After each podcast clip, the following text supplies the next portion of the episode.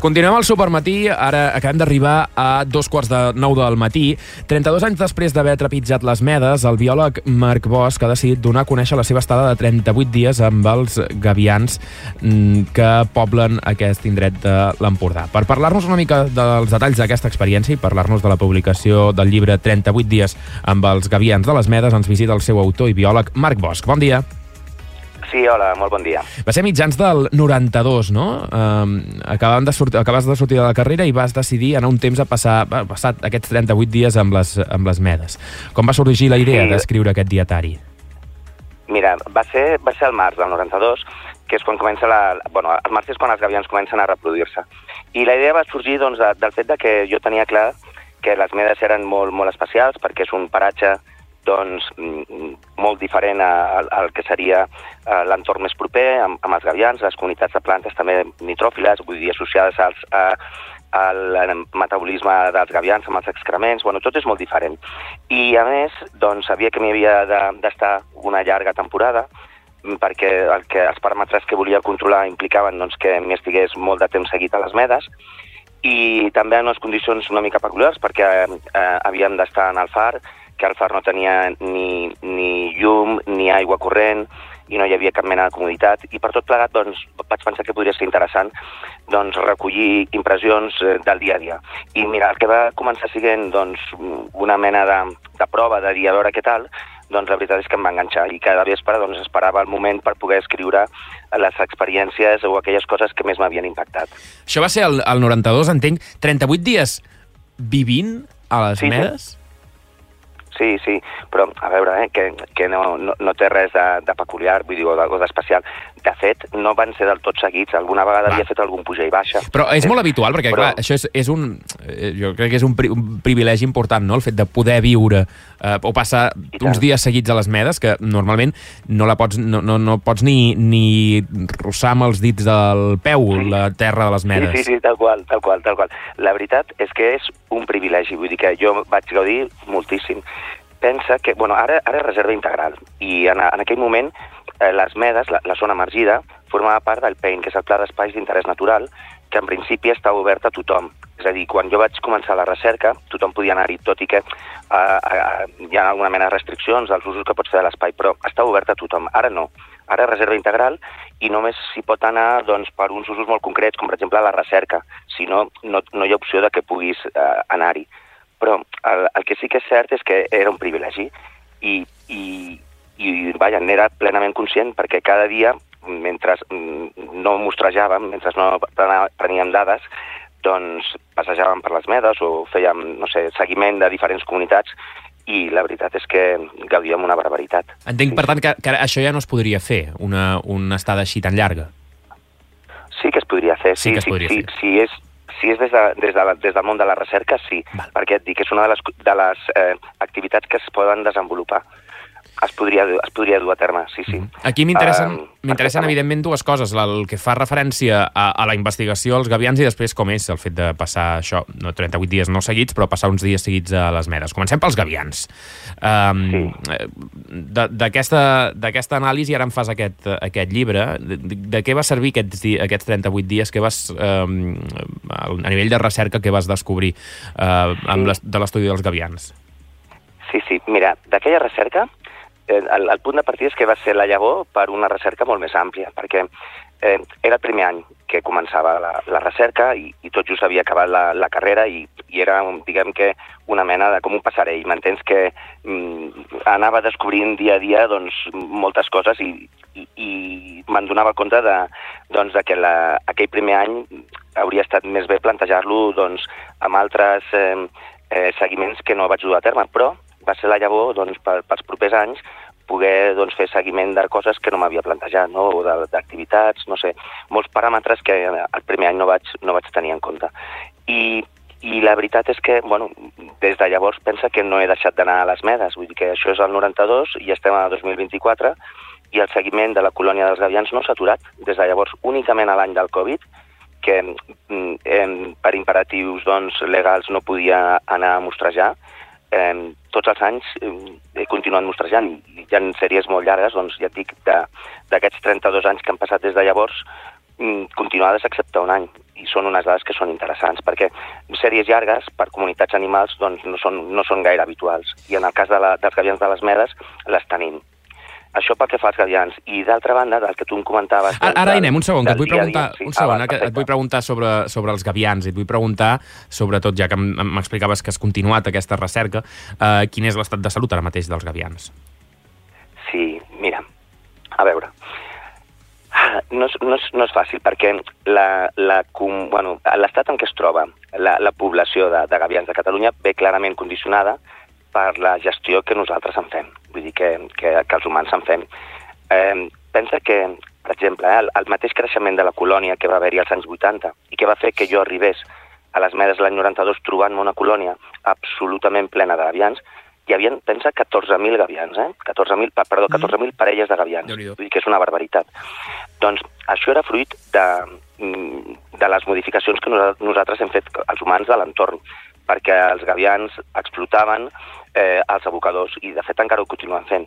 Els gavians són uns ocells que Mm, són molt plàstics a nivell de requeriments alimentaris. Es diu que són uns animals generalistes, que vol dir que poden explotar un ventall molt ampli de recursos tròfics d'alimentació, no?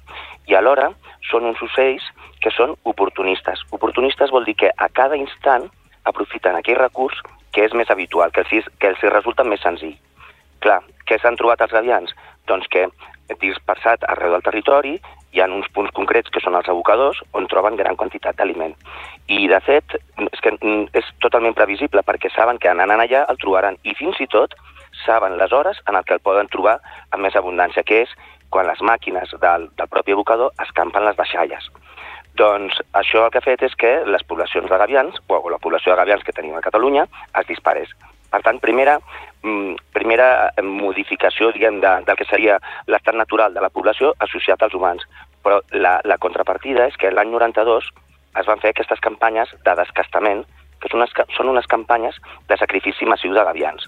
I és que eh, la Generalitat va considerar que hi havia eh, associat a aquesta població de gavians tan àmplia uns possibles problemes eh, Mm, bueno, causats pels gavians. I entre aquests problemes hi havia l'impacte que podia tenir sobre algunes espècies d'ocells i alhora la possible contaminació de les aigües de l'estany de Banyoles. Total, que l'any 92, entre, bueno, als anys 90, entre el 1992 i el 1996, es van sacrificar 25.000 gavians. Això és, és un cop fort per, per la colònia, però alhora el que va passar, i això està superreferenciat, eh? avui dia a, moltes colònies s'ha comprovat eh, en altres colònies de gavians, quan les colònies de gavians són sotmeses a aquesta mesura de gestió, aquests, mm, aquestes matances massives, els gavians que haurien d'anar a reproduir-s'hi no hi van, se'n van a altres zones. I així és que nosaltres vam poder documentar com aquí a Catalunya la colònia de les Medes va experimentar una davallada molt important degut a que els gavians no tornaven a criar les medes, sinó que s'escampaven arreu del territori, fent dues coses. Les colònies que ja existien creixien els seus efectius en gran mesura.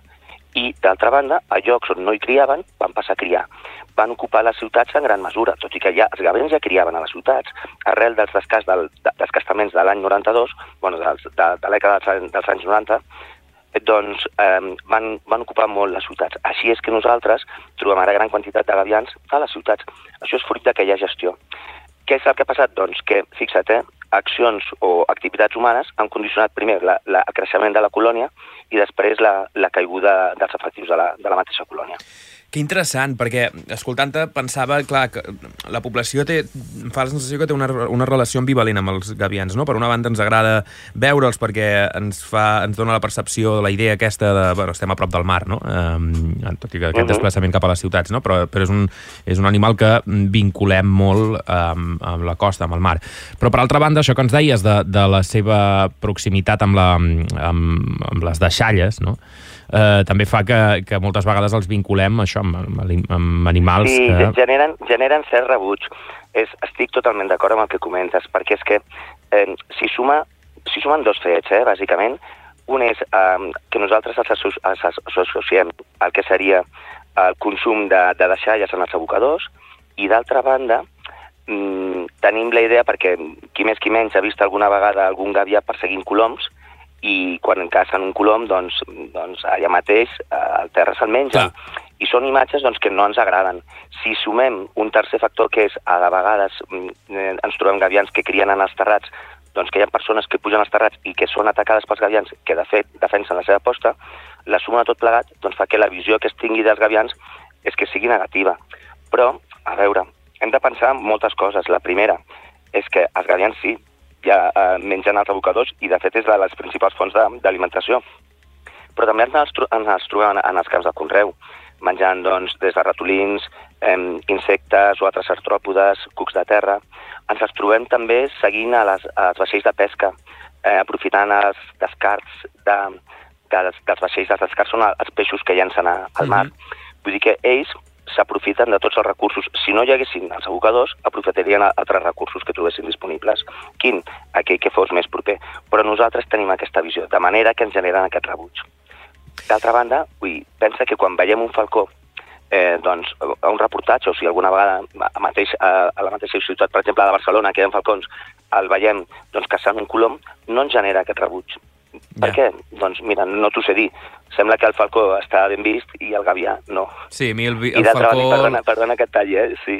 Em I que hi ha, transmet, hi ha una última cosa Sí, digues, digues. Sí, sí, ens transmet un, un altre sentiment. Sí. Però hi ha una última cosa, i és que nosaltres tenim tendència a, a culpar els gavians de tots els mals que ens passen, per exemple, en els espais naturals on crien els gavians. Què vull dir? Que aquest rebuig que tenim a nivell social dels gavians també es trasllada, diguem, eh, en altres espais. I així és que a molts indrets on hi ha gavians criant, espais naturals, es fan accions en contra de les poblacions de gavians sense que prèviament s'hagi comprovat si els gavians tenen un efecte negatiu sobre alguna de les poblacions d'ocells que crien en aquell indret. I això és molt, molt, molt, molt important, perquè és molt, és molt freqüent que succeeixi això. A casa, a casa nostra ha passat. Uh -huh. Ens deies que has continuat la, la, la, la investigació, has continuat anant eh, sovint, anualment, a les medes a investigar la població de gavians. Um, quin creus que és l'estat de salut, com a biòleg, l'estat de salut de la fauna i la flora de les medes en aquests moments?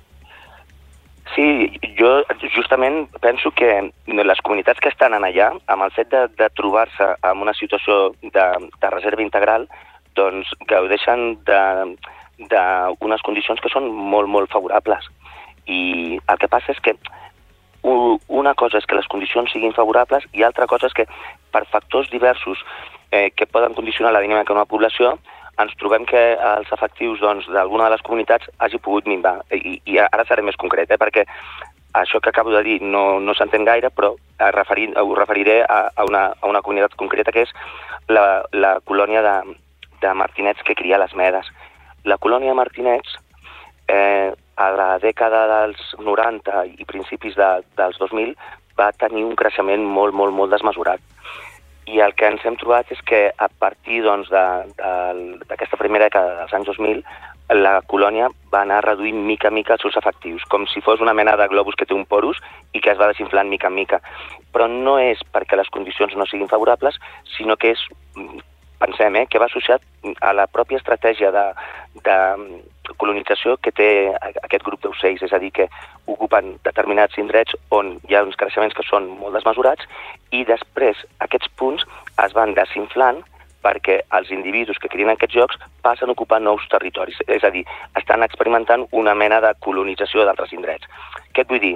Que el, el que s'està fent ara a les medes és ideal eh, doncs per les comunitats que hi ha. Altra cosa és que les comunitats no arribin a tenir els efectius que nosaltres voldríem que tinguessin, val? però que es pot associar perfectament a processos naturals propis de la, de la, de la pròpia comunitat. Quan parlem del present i del futur de les medes, habitualment, eh, ara ja automàticament també pensem en la, la projecció del parc eòlic del Golf de Roses, a prop de les medes, també. Eh, creus que això afectaria la, la fauna i la flora de les medes?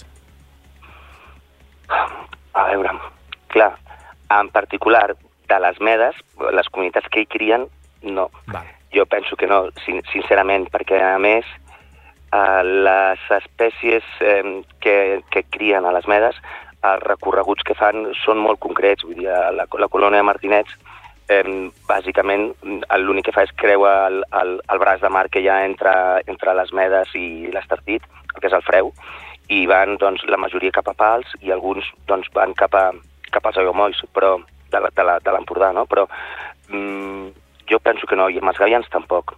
Altra cosa és que eh, mm, per altres comunitats Sí. sí, però en el cas de les medes en particular penso que no. Uh -huh.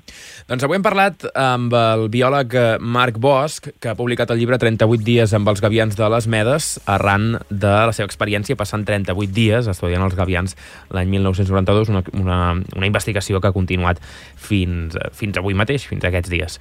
Um, hem parlat amb ell, tot i que m'encantaria poder, poder continuar parlant durant molt de temps, i si et sembla podem quedar per un altre dia per, per parlar tant que sí. més en profunditat de, de les, eh, d'això, de la flora i la fauna de les medes i la realitat també de passar-hi Sí. un temps. Hem de tancar-ho aquí, eh, se'ns acaba el temps. Sí, em, em deixa'm, deixa'm dir una I petita tant. cosa, simplement, eh?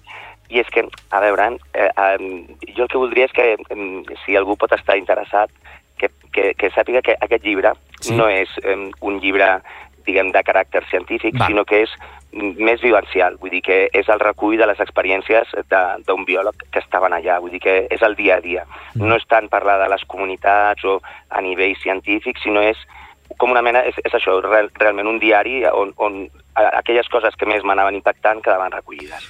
38 dies amb els gavians de les Medes, de Marc Bosch, d'editorial Cossetània. Uh, ja, ja a la venda, aquesta, aquest mes de febrer ha Sí, sortit i a la tant, ja venda. està, ja està a la venda. Doncs- Moltes gràcies. Marc, eh, moltes gràcies. Que vagi Vinga, bé. Adéu. Adéu, bon dia. Adéu, bon dia.